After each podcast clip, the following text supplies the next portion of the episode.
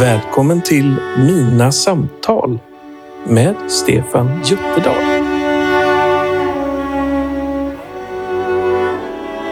Här sitter vi fyra personer runt ett bord. På ena sidan så sitter Janne och Kristina Alser. Och på andra sidan sitter jag med min fru Ann-Margret.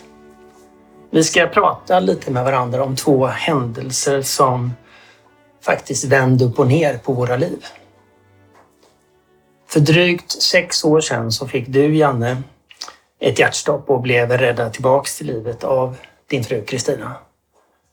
Och en vecka senare så fick jag mitt hjärtstopp och blev räddad tillbaks till livet av dig, min fru Ann-Margret. Eh, två fantastiska räddningsinsatser som gjorde skillnad mellan liv och död.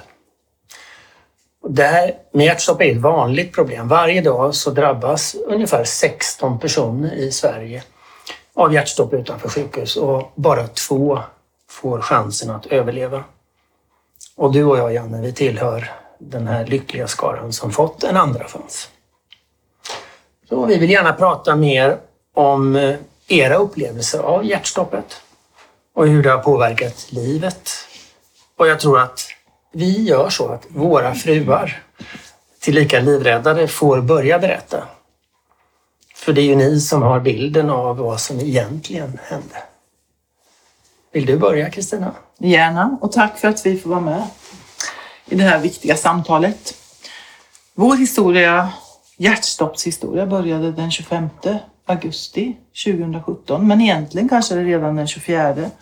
För vi har mycket att tacka den 24 för att vi tog beslut att stanna i Stockholm. Du var tillsammans med lite leverantörer i Stockholm och jag hade ett uppdrag och istället för att åka hem så bestämde vi oss för att vi skulle natta över i vår lägenhet och inte bara natta över utan vi skulle också måla och fixa lite med elen i lägenheten på Kungsholmen. Vi blev klara ganska tidigt, duschade och klädde om oss och sen gick vi ut och käkade. Och av någon förunderlig anledning så tog jag ganska mycket kort på restaurangen och på, på dig, Janne, den där kvällen. Kort som eh, har visat sig vara väldigt värdefulla nu efteråt. I, inte minst för, för dig att, att försöka minnas och, och för mig att också bli påmind om hur det, hur det började. Vi eh, gick hem, la oss eh, och vaknade, sov, sov ut på morgonen, åt en härlig frukost och jag klädde inte på mig direkt utan jag satt i morgonrock. Klockan var kvart i nio och du sa att jag går in och duschar och sticker iväg till stan och köper lite delar till den här tvättmaskinen som skulle installeras. Tio över nio går du iväg och säger hej då. Och då satt jag och pratade med vår dotter i telefon, Marie. Så puss och hej då och jag kommer om en halvtimme sa du. Jag brukar alltid låsa lägenheten, dörren. Vi bor på fjärde våningen, fyra lägenheter på varje plan och ett gammalt hus. Så det är inte fyra trappor upp utan åtta trappor upp. Eh, och låste som sagt var inte. Det tog tio minuter, 9.21 så är det någon som tar i dörrhandtaget och jag får se att det är Janne. Och jag ser dina ögon. Skräck i de ögonen och sen faller du raklång i trapphuset. Slår huvudet i, i dörrkarmen och slår upp eh, ögat och, och en del i pannan. Trycker av vår dotter från telefonen, springer ut. Jag bara skriker pappa faller och sen trycker jag av hennes eh, i luren. Och eh, böjer mig ner och var säker på att det var en hjärnblödning så vänder på dig och ja men 100 kilo och jag vänder dig som om det vore en liten trasdocka. Och inser att det är inte det utan eh, det är något annat och eh, sliter upp skjortan och samtidigt som jag sliter upp skjortan så på med högtalartelefonen och ringer 112. Parallellt med det här så ringer vår dotter 112 och berättar mm. vad som har hänt. Mm. Så hon får, hon får höra hela allt som händer från sitt håll av en annan operatör Jag hade en operatör som stöttade mig och Marie hade en operatör Så ni som hade stöttade. ringt, det var på linjen samtidigt? Ja, precis. Och det, för mig var ju det nu efteråt så himla skönt för att hon hade, vi var två om historien och hon kunde också berätta för sina syskon. Eh, när eh, ja, jag fick ju hjälp att hålla takten för jag visste ju att jag var ensam i huset. Jag visste förutsättningarna. Jag visste att jag också skulle behöva springa ner de här åtta trapporna och öppna dörren till ambulansen. Så att jag satte mig faktiskt gränsle över Janne. Och jag tror, jag har inga bevis för det, men jag tror att det var därifrån jag fick eh, kraften. För det är skillnad att sitta på sidan än att sitta gränsle över. Så att jag kunde liksom använda hela min egen kroppstyngd eh, när jag gjorde HLR eh, i sju minuter själv. Sen kom ambulansen och jag måste också säga att jag, operatören var ju fantastisk att hålla humöret uppe och, och hjälpa mig för jag sa det händer ingenting och han, han bara försvinner. Och, men han sa varje tryck är, är viktigt. Fortsätt. Eh, sprang ner alla de här trapporna och upp och öppnade dörren och till saken hör att eh, den här dörren hade ett litet, eh, ja, du hade fixat Ett bläck. ett bläck så att den kunde vara öppen, stå öppen. Annars vet jag inte vad jag hade gjort. Det fanns ingen matta att lägga emellan. Men det här bläcket, tack vare att du hade fixat det på den här, i bostadsrättsföreningen, eget bevåg, så kunde jag springa tillbaka upp och fortsätta och, och göra HLR. Sen kom ju det är 1-larm så att det var räddningstjänst och det var polisen och ambulans och akutläkare. Men får jag bara fråga, när du mitt i HLR, du utförde HLR och då har larmoperatören där och så sa du då, nu måste jag springa ner och öppna dörren. Ja, han, eh, han visste ju det från början för jag berättade ju emellan de här. Han, eh, jag höll ju takten så gott. Alltså vi hade ju en kommunikation på något sätt. Jag sa jag måste ju öppna. Och eh, jag tror att det var därför han också bestämde att gör inga inblås. Eh, Så du tappar energi på det eftersom jag var helt ensam. Utan, och jag vet inte hur fort det gick. Det gick urfort att springa ner och upp. Jag tror inte att det var en, det var inte en minut. Eh, och jag fortsatte kanske en eller två minuter till. eh, Sen tog ju de andra över och då backade jag tillbaka. Och eh, ja, borstade tänderna. Jag satte ju i morgonrock, eh, klädde på mig. Packade ner en varm sjal, packade ner Jannes mobilladdare, min mobilladdare. Tänkte att ja, men det, det, det blir ju i alla fall sjukhus. Det blir det ju. Eh, och sen var de noga med att säga att det är inte hjärtinfarkt. Och jag tänkte vad skönt att det inte är hjärtinfarkt. Eh, de sa ju inte att det var hjärtstopp, men det var inte hjärtinfarkt. Så att jag, på något sätt så levde jag i någon värld av att men det här var inte så farligt. Och Janne har alltid klarat allting, så det är klart att han skulle klara det här också. Eh, sen kom tvivlen. När vi, eh, jag fick åka med akutläkaren, Janne åkte ambulans. Och jag fick välja om jag ville vara med i akutrummet eller inte. Eh, och det ville jag ju absolut. Och där slet de av eller klippte av alla kläder och eh, på med hjärtstartare. Och efter ett antal gånger så och eh, adrenalin så kom han igång. Men vaknade inte. Utan eh, sov och då valde man ju att söva ner honom. Och eh, började med att undersöka det här jacket i, i huvudet. Så att han inte hade brutit nacken, för det var man också orolig för. Och sen eh, gjordes han i ordning och kom upp på IVA. Men ganska snabbt, jag fick inte se honom då, ganska snabbt hade man fått en tid för genomgång och operation. Eller Först röntgen och sen operation. Och någon gång vid tre tiden kom du upp och innan dess hade jag hunnit att ringa barnen naturligtvis många gånger. Och förtvivlad. Jag... Ja, men ena gången så trodde jag att det var helt kört och andra gången så var det nej, det, det här fixar vi. Det här, så här kan det inte sluta. Det var inte så här det skulle sluta. Jag vet också att jag när jag satt ensam i väntrummet googlade på hjärtstopp. För då, då sa de att det är ett hjärtstopp han har fått. Och av någon konstig anledning så tänkte jag att det måste vara bättre än en hjärtinfarkt. Sen när man började läsa, eller jag började lä, eller läste att det är så få procent som överlever. Då slutade jag. Då la jag ifrån mig. Jenny var på Sankt Görans sjukhus och eh, barnen kom upp, alla tre barn med respektive, från Vimmerby och Linköping. Och vi fick ett eget rum på Sankt Göran, ett familjerum där vi kunde samlas. Och blev otroligt väl omhändertagna av all personal. Inte minst av akutläkaren och eh, de läkarna som, som hade hand om Janne. Akutläkaren har vi fortfarande kontakt med. Han hälsade på dig för någon vecka sedan. Två veckor sedan. En och en halv, två Mm. veckor sedan. eh, oerhört engagerad. Och jag tror att hans bevekelsegrunder handlar både om att ja, men det är ju inte så många som överlever. Nej. Det finns inte så mycket forskning. Och alla som överlever blir heller inte helt återställda. Nej. Ehm, första dygnet var fruktansvärt och det kan ju alla förstå. Kunde jag gjort mer? Var, var, det, är det, mitt, det är mitt fel om inte pappa överlever? Och, ja, det var fruktansvärt. Tjejerna och jag bodde på sjukhuset på natten. Och bodde säger jag, för jag sov inte, inte en blund. För då kom alla de här tankarna. Eh, vad händer om det? Om han är sån? Eh, om han dör? Och, ja, katastrof, beredskap. Mm. Och hur länge fick du vara kvar på sjukhuset, Janne? Så hur länge dröjde det?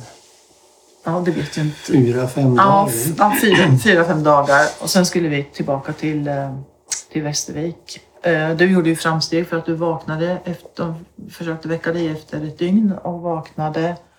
Och så kände igen oss. Och jag frågade om jag kunde få en puss. Och det fick jag. Och så ville jag ha en till.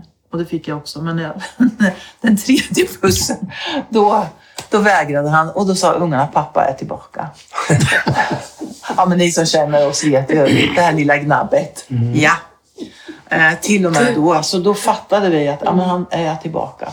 Sen eh, är ju själva uppvakningsprocessen är ju en procedur i sig som kan vara ganska dramatisk just för att det är en person man inte känner igen. Det är minnesförlust och det är, eh, det är som eh, en, en person som lever på en annan planet. Vi, alltså vi pratade om helt olika saker. Du trodde att du var på en blomsteräng och du frågade efter din blomklocka. Och det var, de höll på att bygga om hela Sankt Görans. Ja, men det var du som var byggledare för alltihopa. Och det där rummet bredvid eh, matsalen, det var, där var det röntgen av eh, ultraljud.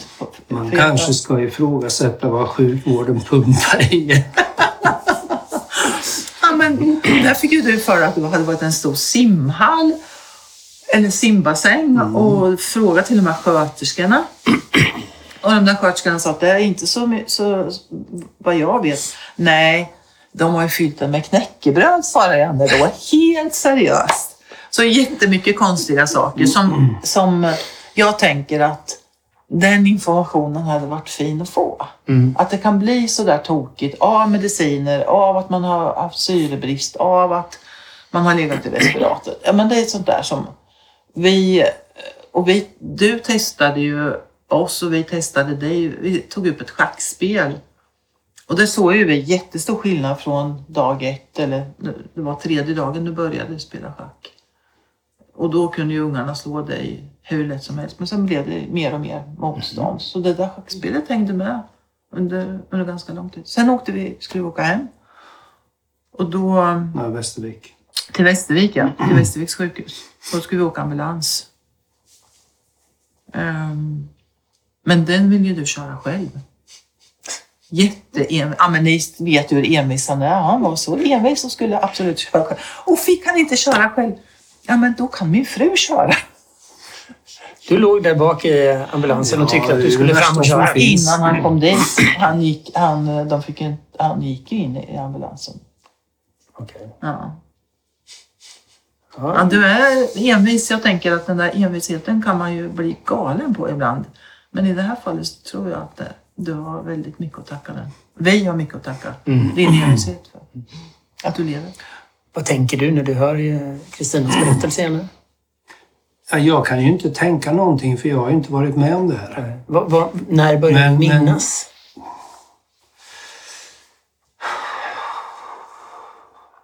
Jag kommer ihåg vissa sekvenser, exempelvis det här med simbassängen vill jag påstå att vi satt utanför en sal och det kom ut en sköterska och det var där jag gick på henne och pratade om den här simbassängen. Nu skakar Kristina på Nej, huvudet lite. så var det inte. Vi satt, vid, vi satt vid ett matbord. Ja, okej. Ja. Men säg så här, kanske två, 14 dagar. Tre, Okej. tre veckor. Eh, definitivt när vi kom hem hit till... till Och när var du hemma igen? Hur lång tid tog det? Efter en vecka. Jag, jag tänker att eh, vi tog ganska mycket kort och det finns också en anledning varför man skriver dagbok på, på IVA. För att, eh, det är ju för att hjälpa minnet. Eh, mycket av det du kommer ihåg tror jag är saker som vi har berättat för dig, som vi har berättat många gånger för dig. Bilder som vi har tagit. Jag kommer ihåg när jag i morgonrock låg nere under traktorvagnen. Ja, för det var det första du gjorde när du kom hem. Kolla! Så det, jag, jag tänker det här med minnet, är, det är lite spännande med hur, man kan rekonstruera minnen. Men faktiskt också med, med hjälp av berättelser och bilder. Men intressant är ju också, många har ju ställt frågan, fick du ingen föraning om det här? Det var precis den frågan jag tänkte Jag ställa. kände det. Och det fick jag ju fast på ett sätt som man inte tolkade eller förknippade med någonting med hjärtat. Och det var ju ett antal veckor innan händelsen, alltså hjärtstoppet, så hade jag som, kommer du ihåg också, sura uppstötningar. Så jag sökte ju till och med en, ja vad ska man säga, allmänpraktiserande läkare för det här att få någonting som eh, ja, tog bort det här. Och det var, du vet, precis som att du har druckit för mycket rödvin eller någonting sånt här. Att du liksom kände i bröstet att det är något så här. Och jag kopplar ju inte in till det heller, jag kopplar ju det till något med hjärtat. Ja, men du fick ju Och jag fick ju sån här. Vad heter det? syradämpande historier. Omeprazol? Ja. Mm. Ja, och det hjälpte ju inte ett dugg. Men eh, en fråga som jag har fått ibland och som eh, nästan är inte går att låta bli att ställa så här. Du liksom jag var ju död men lever igen. Mm. Såg du någonting på andra sidan? Nej, absolut ingenting. Nej, inga upplevelser. Nej, svart. Och där är vi ju... Och jag kan inte svara på det för att jag var ju som du säger död, alltså borta.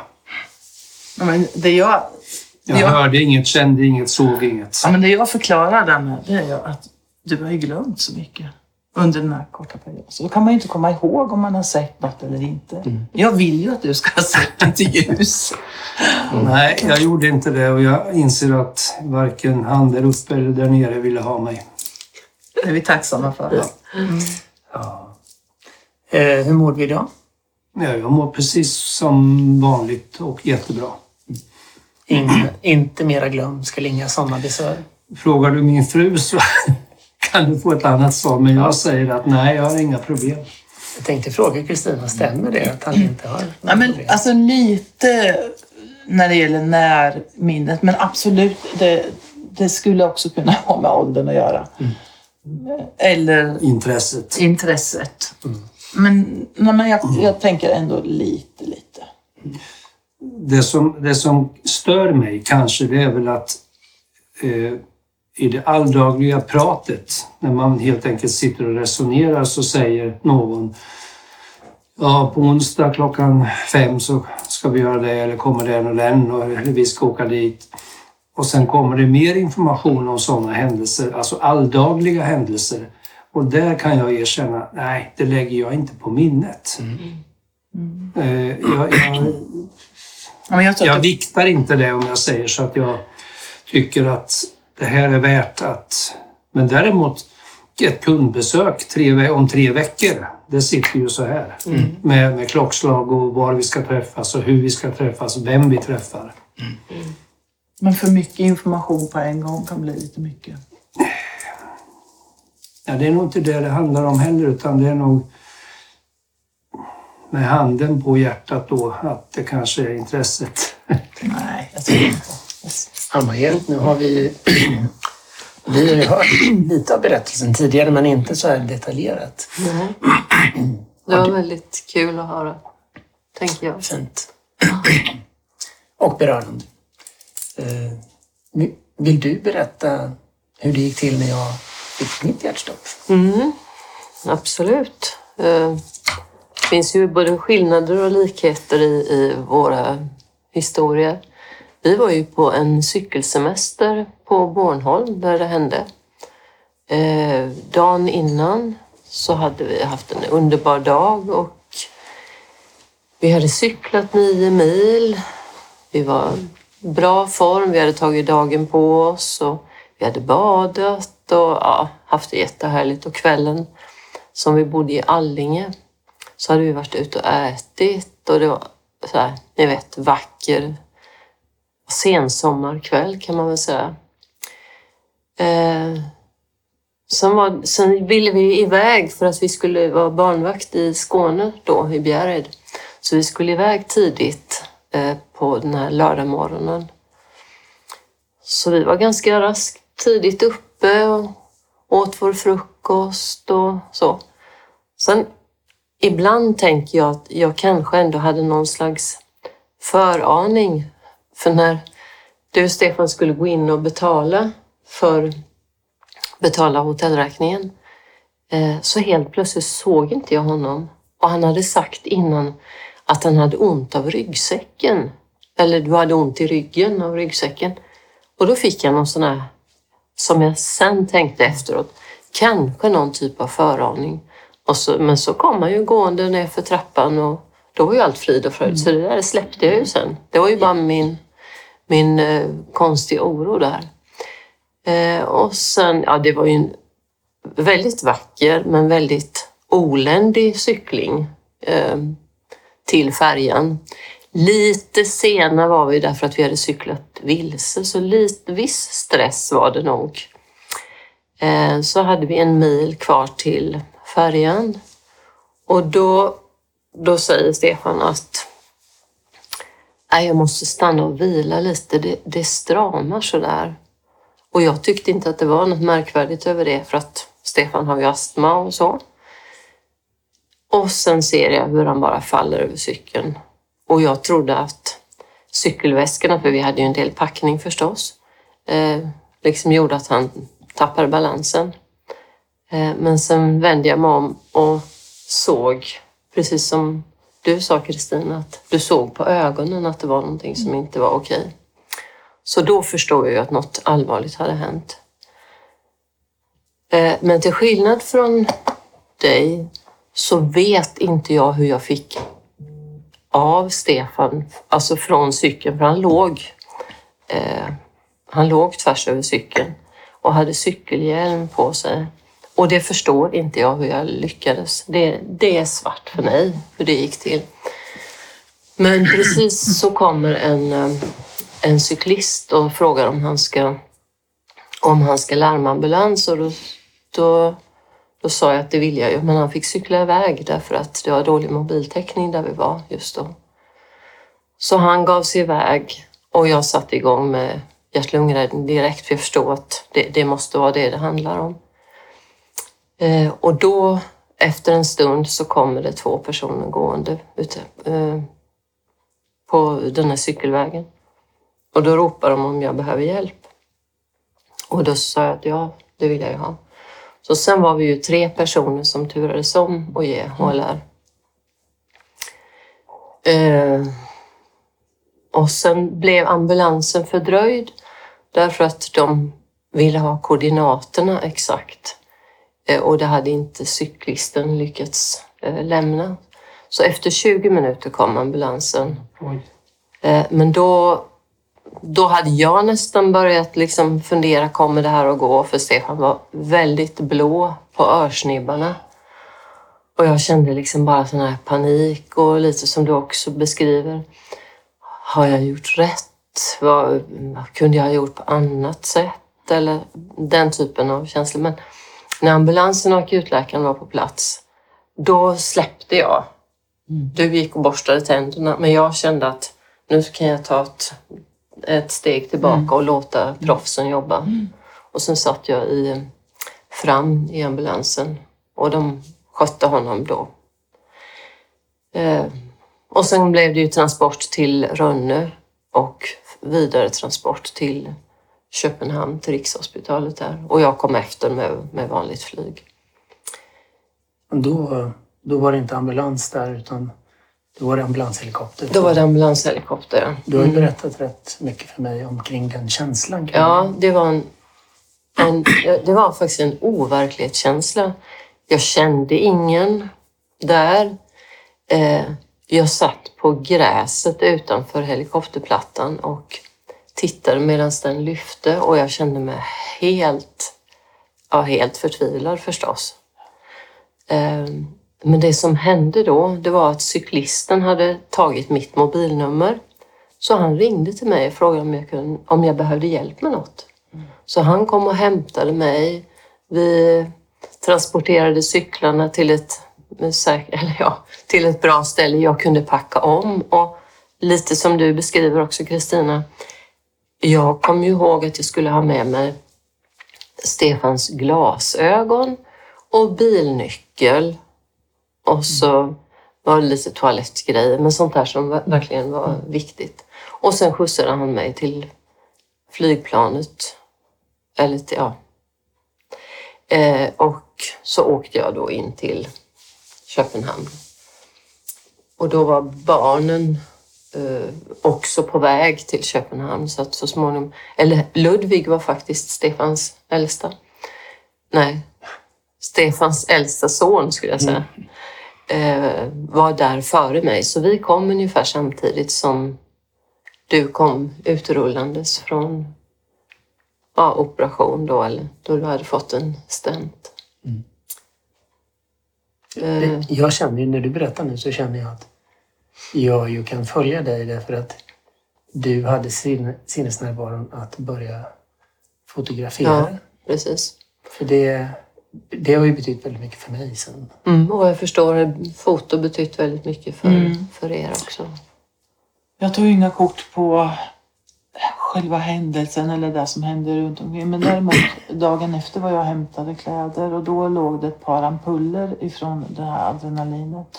Och de Aha. tog jag kort på. Eh, och jag hade ju tagit kort på hur det såg ut i lägenheten den dagen, alltså till och med morgonen. Och jag tog kort också hur det såg ut när, när jag var tillbaka. Jaha. Mm. Och det är ju, jag kan ju bara säga hur oerhört viktigt det har varit för mig att Mm. kunna, för nu när du började berätta om det här, då, då känner jag att jag nästan är med i det hela. Eftersom jag, Men jag tänker att det är så för dig också att eh, det är ett minnesstöd. Vad du kommer ihåg eller inte kommer ihåg spelar inte så stor roll. Utan det är ju att, att ni är med i den Mm. tiden Mm. som Mm. ju faktiskt var ganska svart. Jag, jag upplever att mycket av det som hände den sommaren var svart för dig under ganska lång tid. Sen har ju det kommit tillbaka av sig självt men också Kommer här du ihåg när vi la stimplattorna, Ja. sista hälften? Mm, men det var i mitten på sommaren och du kommer inte ihåg att vi hade rest orangeriet. Men, men, men det spelar mindre roll tycker jag. De här korten är så viktiga. Mm, mm. Samtalet är så viktigt. Att man, Mm. för det, nu bröt jag lite din berättelse, men du var på väg in i Köpenhamn och Mm. ni samlades. Ja, Det är ett, ett foto som jag vet är, som, är, som, jag, som är väldigt viktigt för mig. Mm. Det är när mina barn och är samlade runt sängen. mm. Eh, och berätta om hur du tänkte när du tog fotot. Ja, men jag hade ju fotograferat när helikoptern lyfte. För det kändes viktigt för dig att, att kunna se efteråt. Eh, och sen så tänkte jag, nu måste jag hålla i det här och ta lite foton under den här tiden också. Så när Stefans barn var samlade runt honom så frågade jag ju om jag fick ta ett foto. Det kändes ju som att de tyckte det var lite konstigt att fråga det när han låg sövd och barnen stod förtvivlade runt sängen. Men jag kände ändå att det kunde vara viktigt. Sen någonting som hände för min del, det var ju också att jag tog... Dels så hade jag den här känslan som du säger. Gjorde jag allt rätt? Kunde jag gjort på något annat sätt? Och jag är ju, jag är ju utbildad sjuksköterska, hade ju hållit på med sådana här saker innan. Eh, men jag gick in i en halvprofessionell roll. Så jag tog på mig att börja förklara för Stefans barn att ja, ja, men det här ser ganska bra ut. Och jag tror var lika mycket för att övertyga mig själv om att det skulle gå bra. Ja, ja men titta här och syresättningen är bra och blodtrycket är bra. Och ni ser han, nu, nu kyler de ner honom lite så ni, eh, där ser ni tempen och sånt. Så jag gick, ställde mig nog lite utanför mig själv. Mm. Eh, Men jag kan säga att det första dygnet, eller fram till att Stefan blev väckt, det var nog det absolut längsta dygnet, eller drygt, i mitt liv. För det var liksom... Det skulle inte hända något. Han skulle fortsätta vara sövd. Det var liksom inte läge. Så ovissheten var ju bara att flytta fram den timme för timme och bara hoppas på att tiden skulle gå. Ungefär så. Och det vet jag du har berättat Mm. flera gånger också om. Just den delen. Mm. Men sen fick jag vara en vecka och jag eh, jag kommer ihåg eh, jag kommer ihåg eh, eh, att jag vaknade upp och jag kommer ihåg att jag så småningom fick tillbaks min mobiltelefon. Den var väldigt viktig för mig. Eh, barnen hade då nogsamt stängt av. Jag är en sån här person som har många notiser. Och de blev alldeles matta på att det blinkade i min telefon hela tiden. Så de hade stängt av alla notiser men det kunde jag ju snabbt ställa tillbaka igen. Jag ville vara med. Det var lite maskopi där mellan ditt mellanbarn och mitt mellanbarn, för de kom ju också sen lite senare. Så de tyckte att nu ska vi ta bort notiserna. Ja, men så roligt för vi hade ju samma fast det var, det var ännu värre. För Janne var inne på Facebook och, och började skriva till kunder. Alltså det var helt galet. Och Kunder det tror jag inte. du skrev mejl till kunder Ja, mejl ja. och du var inne på Facebook och kommenterade jättekonstiga saker. Oj. Så Marcus, våran äldsta son, eller våran äldsta, och jag, eh, han hade koll på det här. Eh, och så, "Nu- har pappa vaknat tidigt. Jag ser att eh, rörelse på hans Facebook. Det kan inte stämma där. Eh, så då fick vi ju låsa vissa grejer. Ja, det var... Alltså det är ju svåra saker också. Jättevuxna män. Men bara några dagar efter att jag hade haft hjärtstoppet, det var den 2 september. För övrigt klockan 09.38, precis som du anger i tidsangivelsen, så vet jag ju... Där jag hade en, te- i telefonen i min ficka, där hade jag en app så jag kunde ju se exakt när vi stannade. Och jag kunde se hur lång tid det tog med transporten till Rikshospitalet med helikoptern och så vidare. Mm. Eh, så det... Eh, där... Eh, där tog det stopp. Mm. Men, men jag kommer att tänka på när du, eller när ni berättade om simhall och knäckebröd i, i poolen och sånt. Du fick ju också sådana här fantasier. Du trodde att eh, prins Henrik, hette han väl va? Av Danmark. Av Danmark, att han låg i sängen intill. Det var rätt avancerat. Den ena natten. Ja, och den andra natten så var det ju... Chefredaktören på Jyllandsposten. Ja, precis. Alltså nu kan man ju skratta. Janne- Jag tyckte inte det var så kul då, men jag tyckte det var... Förstår inte varför de skulle in i samma rum som jag. Nej, Ja, precis. Ja, men Janne satt på sängen och, och pratade med, med, med vår svärdotter. Och, och så sa han, alltså det är så mycket knäppa människor på det här stället. De är Bara så muppar, vilka muppar det är på det här stället. Vad säger du? säger hon. Ja, ah, men kolla bara på den där. Och så tittar han sig själv i spegeln. Vi har så riktigt skratt. Men alltså det... När man nu hör, liksom, när vi lyssnar in våra egna berättelser kring det här, Janne, så är det ju liksom helt otroligt att vi nu känner oss att vi, vi är med i matchen ordentligt. Så. Eh, Och det har varit rätt, mycket fokus kring att jag har känt så här, när man pratar om det här så är det lätt att fokus riktas just mot överlevaren förstås. För det är ju det som har hänt då. Men, men jag, skulle, jag skulle vilja liksom höra lite från er, kanske om du börjar Kristina, liksom, hur, hur, hur har hela när, du har varit närmast närstående och ni är flera närstående. Hur har det varit för er liksom, och hur har det varit för dig Anna-Greta och så småningom? Berätta. Ja, men har varit, det är fortfarande. Är. Mm. Och det är jag lite fascinerad av. Efter träff- sex år? Ja, och vi träffades ju i somras Mm. och hade haft ungefär samma upplevelser. Mm. Eh, och jag kan säga att det är inte så närvarande, den här katastrofkänslan idag som det var första året. Men den finns. Katastrof, kan du, vad menar du med katastrofkänslan? I början när jag inte hade full koll på hjärnan, och det, alltså det är så ologiskt för att jag reser en hel del i mitt jobb och det är klart att jag inte sitter och tänker på vad Janne gör eller inte gör då och inte är orolig. Men om jag ringer hem och han borde vara hemma och han inte svarar, då kan jag bli fullkomligt galen och kan ringa runt till hur många som helst. Och då har, var, var telefonen urladdad eller någonting och du är helt o, liksom fattar ingenting. Eller när vi är i skogen och röjer och hans eh, såg bara stannar. Och jag vet ju att man filar och fixar och lite, men, men när det tar för lång tid då, kan jag, då bara slänger jag allting och bara springer. Det har ju hänt, det händer ju fortfarande. Och när du har varit nere i garaget och skulle gå och hämta en grej och så blir du kvar lite längre. Så det sitter.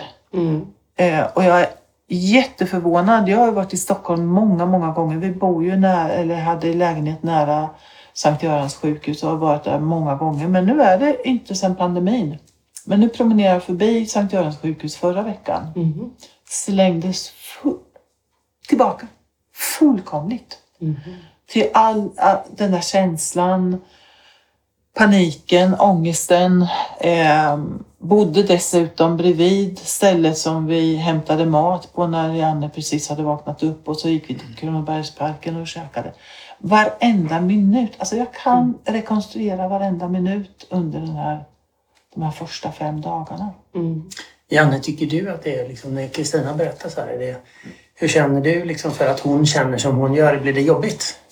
Nej, egentligen inte för att jag har ju som jag sa förut inte varit närvarande. Mm. Det kan ju vara jobbigt att höra det och jag tycker det är synd att man ska behöva känna så här. Eftersom jag anser ju att jag är fullt frisk, jag har inga så att säga men. Vi håller igång och risken att drabbas igen enligt läkarna är ju rätt så låg. Eller väldigt låg. Alltså vi delar ju så otroligt mycket efter 45 år tillsammans. Men det här delar vi inte på något sätt. För att jag har en, Jag tror aldrig, helt, jag kommer, jag kommer aldrig kunna dela för det. jag har en helt annan resa än vad du har. Oh ja. Vad- Vad gör du då Kristina? Barnen? Och... Ja, Alltså jag har ju eh, jag har tagit professionell hjälp. Mm. Eh, för jag kände att jag, jag hade tappat livsgnistan. Jag, jag orkade inte glädja mig. Jag- Alltså, jag, jag kände inte glädje. Jag, det, det var hela tiden någonting som lurade för jag hade varit med om att allting kunde, kunde tas ifrån mig på, på en sekund. Eh, Så jag tog professionell hjälp och det har verkligen hjälpt mig att tänka i andra banor. Men sen tror jag också det här att jag kan prata om alltså vi kan prata om det. Du, du skjuter inte undan och tycker att jag är fånig eller att jag hänger fast vid någonting. Och det är inte att älta utan det är ju att bearbeta en, en eh, det är ju en sorg. Fast det är mera accepterat att sörja någon som har gått bort Mm. än att sörja någon som, som fortsätter leva. Men det, är jag, det, det traumat som man har varit Mm. med om är ju lika... Ja, nu var ju död, men lever. Mm. Och, och det, det jag och barnen också kan känna det är att omgivningen pustade ut Mm. när jag överlevde. Mm. Och sen är det liksom bra. Mm. Men det, är, det, alltså det finns ju ändå kvar. Rädslan finns kvar. Och jag är ju fullt medveten i hjärnan om att eh, det naturligtvis inte kommer att hända igen. Jo, men det kan ju hända. Det kan Men, hända dig. men, det kan men hända det kan hända andra i min omgivning. Det har hänt. Vår dotters svärfar fick hjärtstopp fem månader efter Janne och dog. Mm. Ja, det är ju, ni har ju verkligen haft så. Ja, Ja. Och goda Och vänner. hur, hur, hur blev reaktionen då? Jag menar, det måste vara en förfärlig situation. För oss fanns det ju faktiskt inget annat än att man överlever ett hjärtstopp. Det var ju den referensen vi hade. Mm. Eh, så det var så ofattbart att han inte klarade det. Mm. Det var dotterns Ja, svärfar. ja. Och våran Marie bor så att hon såg ambulansen åka förbi. Hon visste ju inte att det var svärfar som låg i, i ambulansen. Då. Men, och han gick ju bort ganska snabbt. Eh, Han hann ju aldrig vårdas utan han, han dog nog med en gång. Också i hjärtstopp. I hjärtstopp. Som inte han... Han tillhörde de som inte kunde. Han Nej, blev räddad. nej. Och, och förmodligen så var det så mass, massivt. Och det, det var så stort. Mm. Nej, men vi, det är bara bevisar ju ytterligare liksom att eh, om, det, är- om det är 10-12 procent som överlever, men alltså det, är, det är ju så få som får chansen att överleva. Så det är, ju- det är ju fortfarande helt unikt. Men det är ju också en, en grej med, som vi pratar mycket om, eh, eftervård som det heter då. Det, det relaterar ju tillbaka till hjärtinfarkt. Eh, alla de här momenten. Du får ju göra vissa tester på, på minnen och rörelser och sådana här saker, fysiologiska tester. Eller jag fick i alla fall. Eh, och då tittar man tillbaka, du som har haft hjärtinfarkt och när man har haft en hjärtinfarkt står det hela tiden. Hjärtstopp finns det ju ingenting för egentligen. Nu pratar jag ju typ Västerviks sjukhus. Ja, nej men det, det vi upplever är att man, man jämställt, alltså det ena är inte värre än det andra. Alltså det är ju, men, men ehm, ett hjärtstopp drabbar ju, precis som ni har varit inne på, det drabbar ju anhöriga kanske mera. En hjärtinfarkt tänker jag mig ändå att man är, man, man är med själv mycket mera. Eh, har- Det betyder ju har- inte att du blir medvetslös Nej. Eh, medan i det här fallet så är det, det går så snabbt. Mm. Men det finns ju en oklarhet, eller okunskap egentligen, tror jag, kring att det är olika saker och att ett hjärtstopp kan bero på hjärtinfarkt men det kan också bero på helt andra saker. Och, Men du hade ju exempelvis en smärta i ryggen som troligen kan härledas till förvarningen. Absolut. Och jag hade sura uppstötningar och det är ju inte logiskt att tänka så egentligen. Nej, Vi går Fast inte jag- på fast det här- ont i ryggen just nu för Ja, att men- vi har burit och konkat Ja, och så. men, men just det här tycker jag är så intressant. För att eh, det fanns ju en förvarning på något sätt. Så plötsligt hjärtstopp kanske inte, ja det är akut och det är plötsligt hjärtstopp. Men jag vet att vi, vi har ju eh, gjort ganska mycket för att uppmärksamma hur viktigt det är med HLR-utbildning, att, man, att det finns hjärtstartare och uppmanat och själva har hjärtstartare och att man är med i SMS livräddare och hjärtstartarregistret och alltihopa. Så vi tog initiativ till att, att utbilda, på, inte på egen hand utan vi tog in en professionell.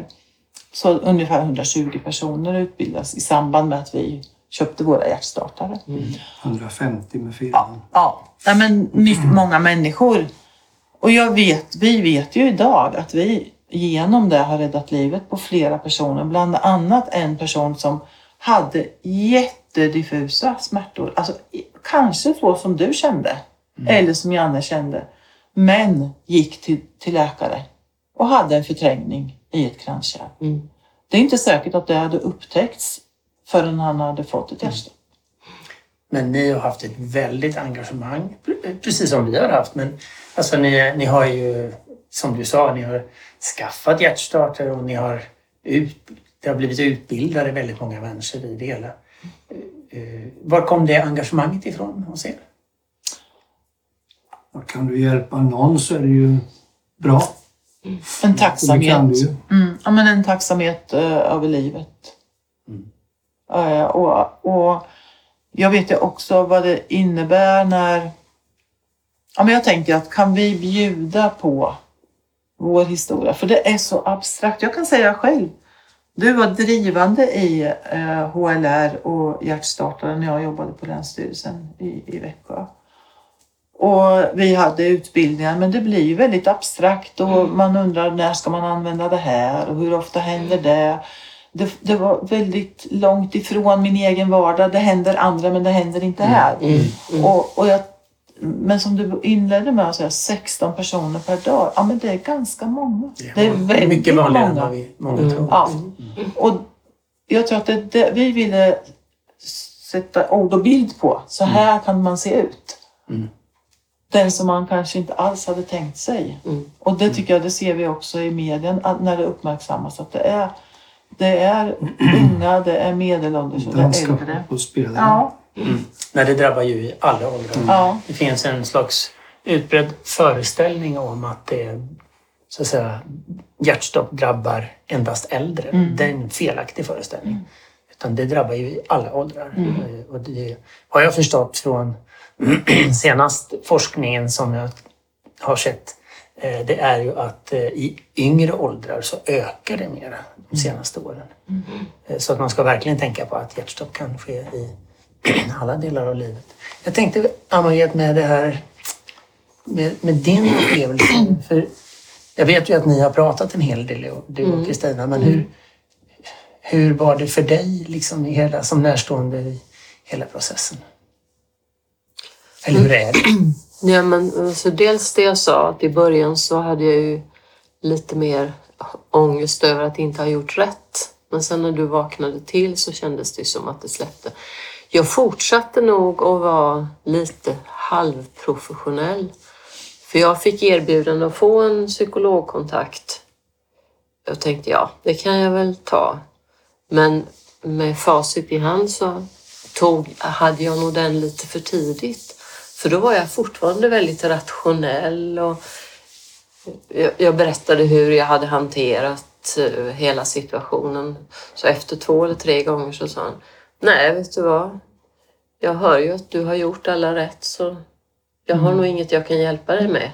Så mina problem, eller min, det här, och som jag sa till dig, katastrofkänsla, den har nog mera... Ja, i början var det ju väldigt påtaglig och då tog vi ju hjälp av den här tjänsten Hitta eh, som finns på, via mobiltelefon. Utan den vet jag inte hur jag hade klarat av den första tiden för att då hade jag ju... Då var det ju verkligen ofta, jag kommer ihåg första gången vi var ute i svampskogen.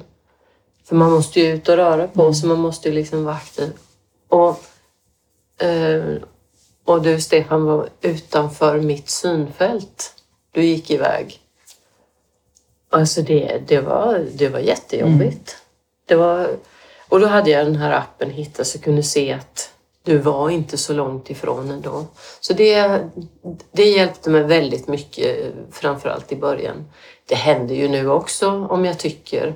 Men, och, och beskrev när sågen tystnar. Stefan tycker det är kul att röja med röjsåg.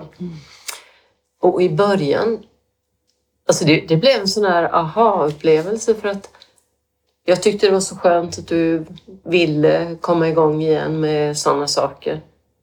Och så upptäckte jag att jag hörde knappt när den var igång. Eller det gjorde jag ju, men det blev som en del av bruset. Men när den stannade så fick jag nästan panik. Mm. Var är han nu? Vad har, hände något? Eller hur var det? Och det händer emellanåt, men det är ju allt mer sällan. Om du till exempel ska gå och hämta posten, för att ta ett, ett exempel. Så efter ett tag så tänker jag, men det är ju länge sedan han gick för att hämta posten. Eh, och så först tänker man att pratar kanske med grannen, men det är på något sätt, det biter sig fast. Det finns där. Eh, och det händer ibland att jag går en lov. Ibland hoppas jag att du inte märker det. För, för att se liksom, var är han någonstans? Eller jag ser honom inte. Eller, ja. Så det, men som sagt, allt mer sällan. Som nu när du har varit i Stockholm ett par dagar. Då är det ju inte så att jag hela tiden går och tänker, tänk om det händer något. Utan det, man, man, det är olika lager på något sätt. När oron Och jag har ju en väldigt tydlig punkt när, när, för när, vi, när jag gick på rehabilitering och det är ju lite paradoxalt. Jag har ju själv som fysioterapeut arbetat med hjärtrehabilitering. Jag har haft grupper och vi hade eh, grupper av patienter som cyklade då, oftast män. sådana som du och jag Janne. Mm. Eh, och då um, hade vi en defibrillator bakom skynket. Eh, redo, så vi hade ju hög beredskap. Och vad jag minns så under fem års tid så hände det väl vid ett, ungefär fem tillfällen att vi behövde använda den. Och vad jag minns är att alla där klarade sig just då. Eh, nu var jag patient och skulle komma till kollegorna som jag hade arbetat med. Och då, då blev jag så glad för att de var så oerhört professionellt bemötande. Och du var med. Det var inte självklart men det har vi ju insett sen att det är väldigt bra att vi, vi gick båda två. Och jag skulle ta på mig gympakläderna. Det kändes ju som en helt ny värld. Jag var ju så rädd för att röra mig. Så kom jag till den här fysioterapeuten, Karina eh, som eh, jag hade jobbat ihop som sagt med tidigare och nu så tittar hon på mig. Hon tog pulsen och hon tittade med i ögonen och jag fick göra lite övningar och hon tester och hon, jag fick cykla och hon hade full stenkoll på vad jag gjorde. Och sen sa hon, Stefan, nu är det dags att börja cykla igen och träna igen. Så. Menar du att jag kan cykla på riktigt? Ja, det menar jag. Så. Och tre, fyra dagar senare tror jag, så var vi ute i skogen igen. Så min rädsla, hon lyfte av min rädsla och det var så väldigt bra att du var med och kunde se det också för mig. Och jag tror det var bra för dig också. Mm. Precis. Men jag kommer ihåg det tillfället när vi cyklade första gången. I början så gick jag, gick jag nästan som en eh, livvakt ett halvt steg bakom för att liksom ha lite koll. Och då tänkte jag, för då cyklade vi på en skogsväg. Ja, på Bornholm kom det någon. Undrar om det kommer någon om det händer nu. Alltså, så den där känslan eh, som man bär med sig ibland. Men nu har vi ju nu har vi liksom fått lufta båda våra berättelser och, och det fina i det här är att vi har ju känt stöd av varandra och gör, känner stöd och det är också någonting som är väldigt viktigt. Eh, En av de sakerna vi har fått göra tillsammans är ju att vi har fått vara medgrundare till ett nätverk, ett svenskt nätverk för dig som har överlevt ett hjärtstopp och för dina närstående som det heter. Det, det känns ju väldigt fint och Ja. Idag tror jag vi är nästan 400 personer i nätverket. Eh, och, och det jag har lärt mig i alla fall sett att jag trodde att det skulle handla, eller min bild var nog att det skulle handla mer om just överlevare men jag upplever att det som lyfts där är ju väldigt mycket närstående perspektivet. Också. Ja, och det, det är många närstående som tycker jag vittnar om samma sak som du och jag har upplevt. Eh, ja, men både den här rädslan i början, att man vet inte eh, vem är det som har vaknat och, och hur kommer det att bli och kommer det alltid att vara så här? Eh, det är den ena delen och det andra är ju den, e den egna rädslan. Eh, och jag tänker att du sa att du inte tog hjälp, eller du tog hjälp för tidigt. Mm. Eh, och jag väntade ju faktiskt ända till våren. Jag tror inte att jag var, tog hjälp förrän i maj. Så att det, det, det, det sitter liksom i det här, som du säger, rationella. Jag tror att en del i mitt, min, min bearbetning var ju också det här med att anordna de här HLR-kurserna. Att vara aktiv i det som, som, som var runt omkring. Och nu har vi hamnat i den sitsen att du var ju det tidigare men nu är både du och jag Kristina ambassadörer i eh, hjärtuppropet. Ja. Eh, och det hjärtuppropet har, ska uppnå tre saker. Att alla ska, eller fler ska kunna HLR, eller alla ska kunna HLR. Och att det ska finnas hjärtstartare och att de ska vara tillgängliga. Eh, så det är klart att vi väldigt engagerade. Nu måste jag ställa frågan, var finns närmaste hjärtstartare nu där vi sitter hemma hos er? 12 meter i den riktningen. Okej. Finns den ena och den andra kanske 13 meter bort. Ja, just det. Vi har, vi, vi har en hjärtstartare. Alla våra barn bor på landet och alla tre barnen fick varsin hjärtstartare. Eh, I sam- och vi bytte faktiskt batterier förra året och elektroder. Och eh, genom hjärtuppropet så har vi ju också fått tillgång till en hjärtstartare. Och den har vi med oss när vi är ute och reser och inte minst på sommaren så finns den på båten och då har vi en liten skylt så att det finns hjärtstartare ombord. Ehm, Men kan- får jag fråga, att du kunde HLR, det var ju helt uppenbart eftersom du räddade livet på Janne. Men hur, hur kunde du HLR innan Janne? Eh, ja, det kunde jag eftersom vi hade på företaget haft utbildningar. Okej. Eh, alltså något, några år innan det här hände. Så Och att du Ann-Margret kunde det, det, vet ju jag. Och du har också jobbat med det tidigare. Då är det så att jag har ju jobbat i sjukvården i 40 år och jag, när jag funderar på det så Jo, jag hade nog någon utbildning men den var väldigt gammal och jag är inte säker på att jag skulle ha känt mig redo. Det, vi, Ann-Margret och jag höll ju på att berätta för andra, när vi, precis som ni, vi berättar vår berättelse. Och så kom vi på olika saker vi lärde oss att det här bör man göra. Så vi uppmanade många då att bli sms-livräddare. För det har ju, under de här sex åren så har ju det vuxit väldigt mycket och det är en fantastisk sak att idag är det över 140 000 frivilliga i Sverige som är sms-livräddare. Och då kom vi på att vi kan inte uppmana andra att vara det om vi inte själva är det, för det var vi inte då. Men nu är vi, nu är vi det i alla fall och har fått några larm. Hur, hur, hur är ni engagerade? i det? Ja, och det var vi eh, faktiskt långt innan Kalmar anslöt sig, eller Kronoberg anslöt sig, i och med att vi ändå... Det fanns inte här. Nej, jag säger det, innan de Nej, anslöt det var sig. samma för oss. Eh, Så att vi i samband med att vi hade gjort eh, den här omgången med utbildningar och där vi också uppmanade alla de som hade hjärtstartare i Vimmerby att möjligen se till att de var tillgängliga dygnet runt.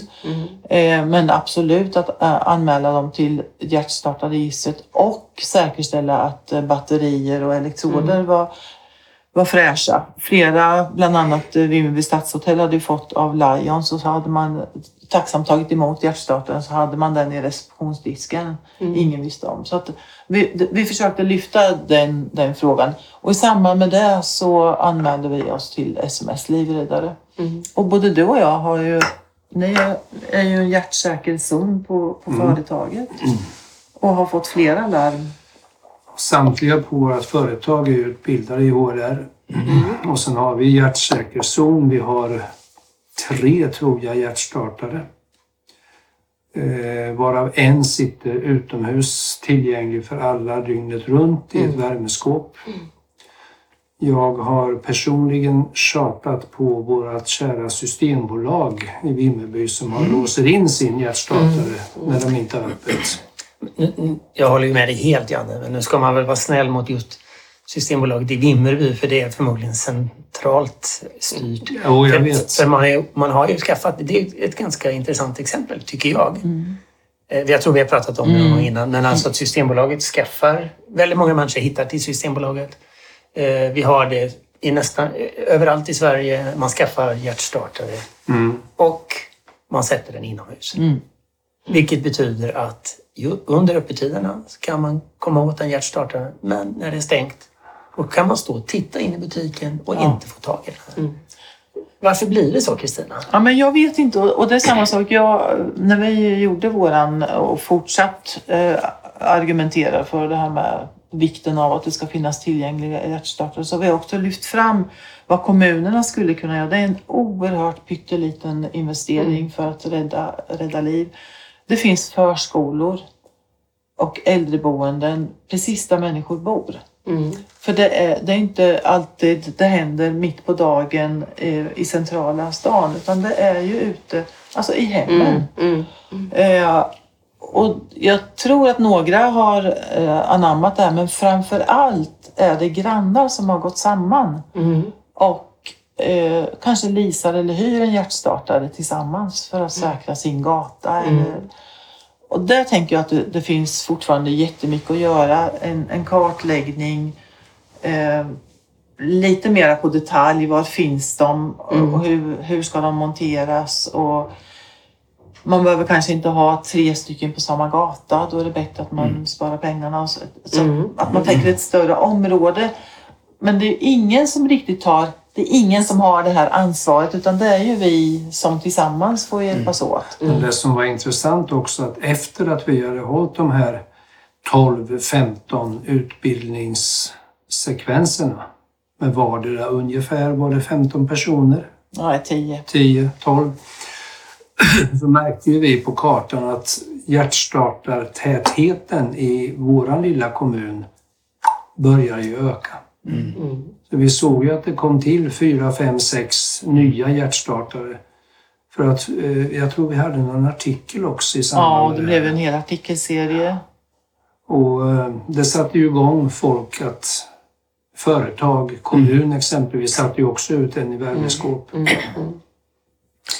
Ja, nej, det, det, är ju, och det behövs ju fler och framförallt behövs det att kunskap om HLR och att hjärtstartarna är tillgängliga. Det borde inte vara så svårt att förstå. Så vi får väl gemensamt fortsätta att verka för det här. Men, Janne, det här med, du har berättat för mig eh, och för oss eh, en händelse när det gäller hjärtstartare. Det här att de inte är tillgängliga. Du har en rätt så dråplig historia men som egentligen är ganska allvarlig. Kan du inte berätta den?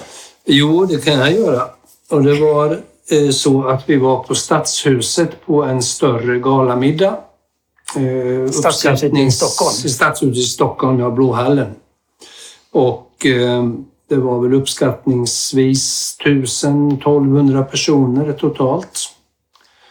Och eh, under en sån här paus så var jag framme i garderoben och frågade, eftersom jag gick och tittade och jag såg ingen hjärtstartare någonstans, så frågade jag i garderoben, var finns eh, den hjärtstartare här? Och då blev jag hänvisad till en liten, eh, kanske A5-storlek, en informationstavla som satt mitt emot garderoben med anvisning om att det finns på kartan. Så jag går dit och tittar men jag är lite närsynt så jag såg ingen symbol för hjärtstartare. Så jag gick och frågade igen och då hämtade de en som var ansvarig. Och sen förklarade jag väldigt kortfattat lite grann vad vi hade varit ute för och eh, att vi var engagerade i det här. Och bad henne visa den här hjärtstartaren. Ja, det kan jag göra, så. Du får följa med här bakom. Eh, in till intendentens rum. Alltså du, du är festklädd där. Jag är festklädd i frack. I frack i Blå hallen och du kommer till garderoben och sen springer du runt och de ska visa dig Ja, hjärtstartaren. just det. Och jag lyckades få henne att göra det. Så att hon låste upp en dörr och hon låste nog upp kanske en till. Och sen visar hon en massiv ekdörr och säger här är intendentens rum och här inne finns hjärtstartaren. Ja, kommer vi åt den då, sa jag. Om det skulle hända något. Nej, för den nyckeln har inte vi, hon. då. verka för. Men, hörni, nu har vi ju pratat en god stund och eh, vi ska försöka hitta en, en avrundning på det. Eh, det jag känner, jag, jag sitter och, och, och minns när vi... Vi hade ju kontakt med varandra ganska snabbt efter våra... eh, Ja, det, jag tror det var du och jag Kristina som hade kontakten efteråt. Om du, jag får skylla på mina... Ibland minns jag lite dåligt. Så att jag, jag trodde det var jag som ringde dig, men du, du tror att det är du som ringde mig. Och det spelar ingen roll, vi fick ju en fin kontakt. Eh, jag minns också tillfället när vi, vi hade bestämt att vi skulle ses. Och du och jag har haft kontakt några gånger och så av lite olika, av slumpen så, så hamnar vi på tåget. Eh, om det var tåget någonstans i Linköping eller så Ja alldeles bredvid varandra. Ja. Jag hade inte den platsen och jag satt på helt fel plats och fick flytta mig två gånger och så landade jag vid en plats. Och jag hade tåget. bytt tågtid. Och då fick vi lufta under ett Ja. par timmar till Stockholm tror jag. Och det var väldigt skönt att prata eh, med någon som också var, hade varit liksom i precis i Hur sammanhanget. känner ni igen varandra? Jag var lite tveksam och jag, jag tittade och så sa jag Kristina. Och då sa du Stefan. så någonstans, vi hade ju träffats men någon gång för länge ja, sedan. vi- Och, och dessutom hade vi väl kollat på det, ja, sociala medier Ja, kanske. så, Lite så lär man ju hur känna det såg varandra ut. Så. Mm. Men så minns jag också när, kommer du ihåg det Ann-Marie? Att det var vinter eller också var det precis vår. Mm. Eh, och så, så kom Kristina och Janne hem till oss. Det var vinter. Det, var var, vinter. snö. Och det var en solig dag. Och Mm. Vi hade hällt upp bubbel, så man såg bubblorna liksom i solen. Och så skålade vi tillsammans för livet. Mm. Eller som jag brukar säga, livet 2.0. Ja. Och det var fantastiskt. Och sen har vi haft flera fina stunder och liksom kunnat ventilera det här och det är oerhört eh, värdefullt. Och jag tror att i det nätverket som vi arbetar med så inser man ju det att man har ju väldigt stor glädje av att, att få bara vara med andra som har upplevt samma saker. Det är ju något. Och jag tänker det här nätverket. Eh, jag, när jag drabbades och när jag inte visste vad är, vad är hjärtstopp för någonting. Så jag läste ju varenda rad som fanns att läsa Mm. på, på nätet. Men tänk om det då hade funnits ett nätverk. Mm. Och det är det jag ser i, i det här nätverket. Att det Mm. är ju närstående där respektive eller en, en, en person i ens familj har drabbats ganska nära inpå. Mm. Mm. Så man, man, man är ute och söker och man vill ha kontakt. Och man vill, Mm. på något sätt så blir det, ja, men det blir någon att hålla i handen. Ja. Mm. Och jag tror det var så det kändes med er också. Att, Mm. Eller jag tror inte, utan det var ju det. Ja, men man tror att man är helt ensam om att Mm. ha upplevt det här. Mm. För sjukvården har inte så mycket erfarenhet. Och, Nej. Så det, det var en befrielse. Och då tänker jag att Absolut. nätverket eh, fyller den funktionen. Mm. Nej, det är fint. Det är, jag är ju en av de som administrerar insläppen i Facebookgruppen och det varje gång det kommer en sån förfrågan så får jag någon väldigt speciell känsla i kroppen att jag vill skynda mig att släppa in dem i nätverket och så, så uppmanar vi dem, vi hälsar dem välkomna och så man får ju, man får ju så att säga svara på några frågor att man själv verkligen har haft hjärtstopp eller att man är närstående till den som, som eh, har haft hjärtstopp. Då. Och sen eh, så, får man, så så blir man insläppt, får en, en varm hälsning och sen kommer det ganska ofta en berättelse. Nu mer är vi ju där att det, till, att det delas ut en broschyr till i princip alla som har fått hjärtstopp på svenska sjukhus nu.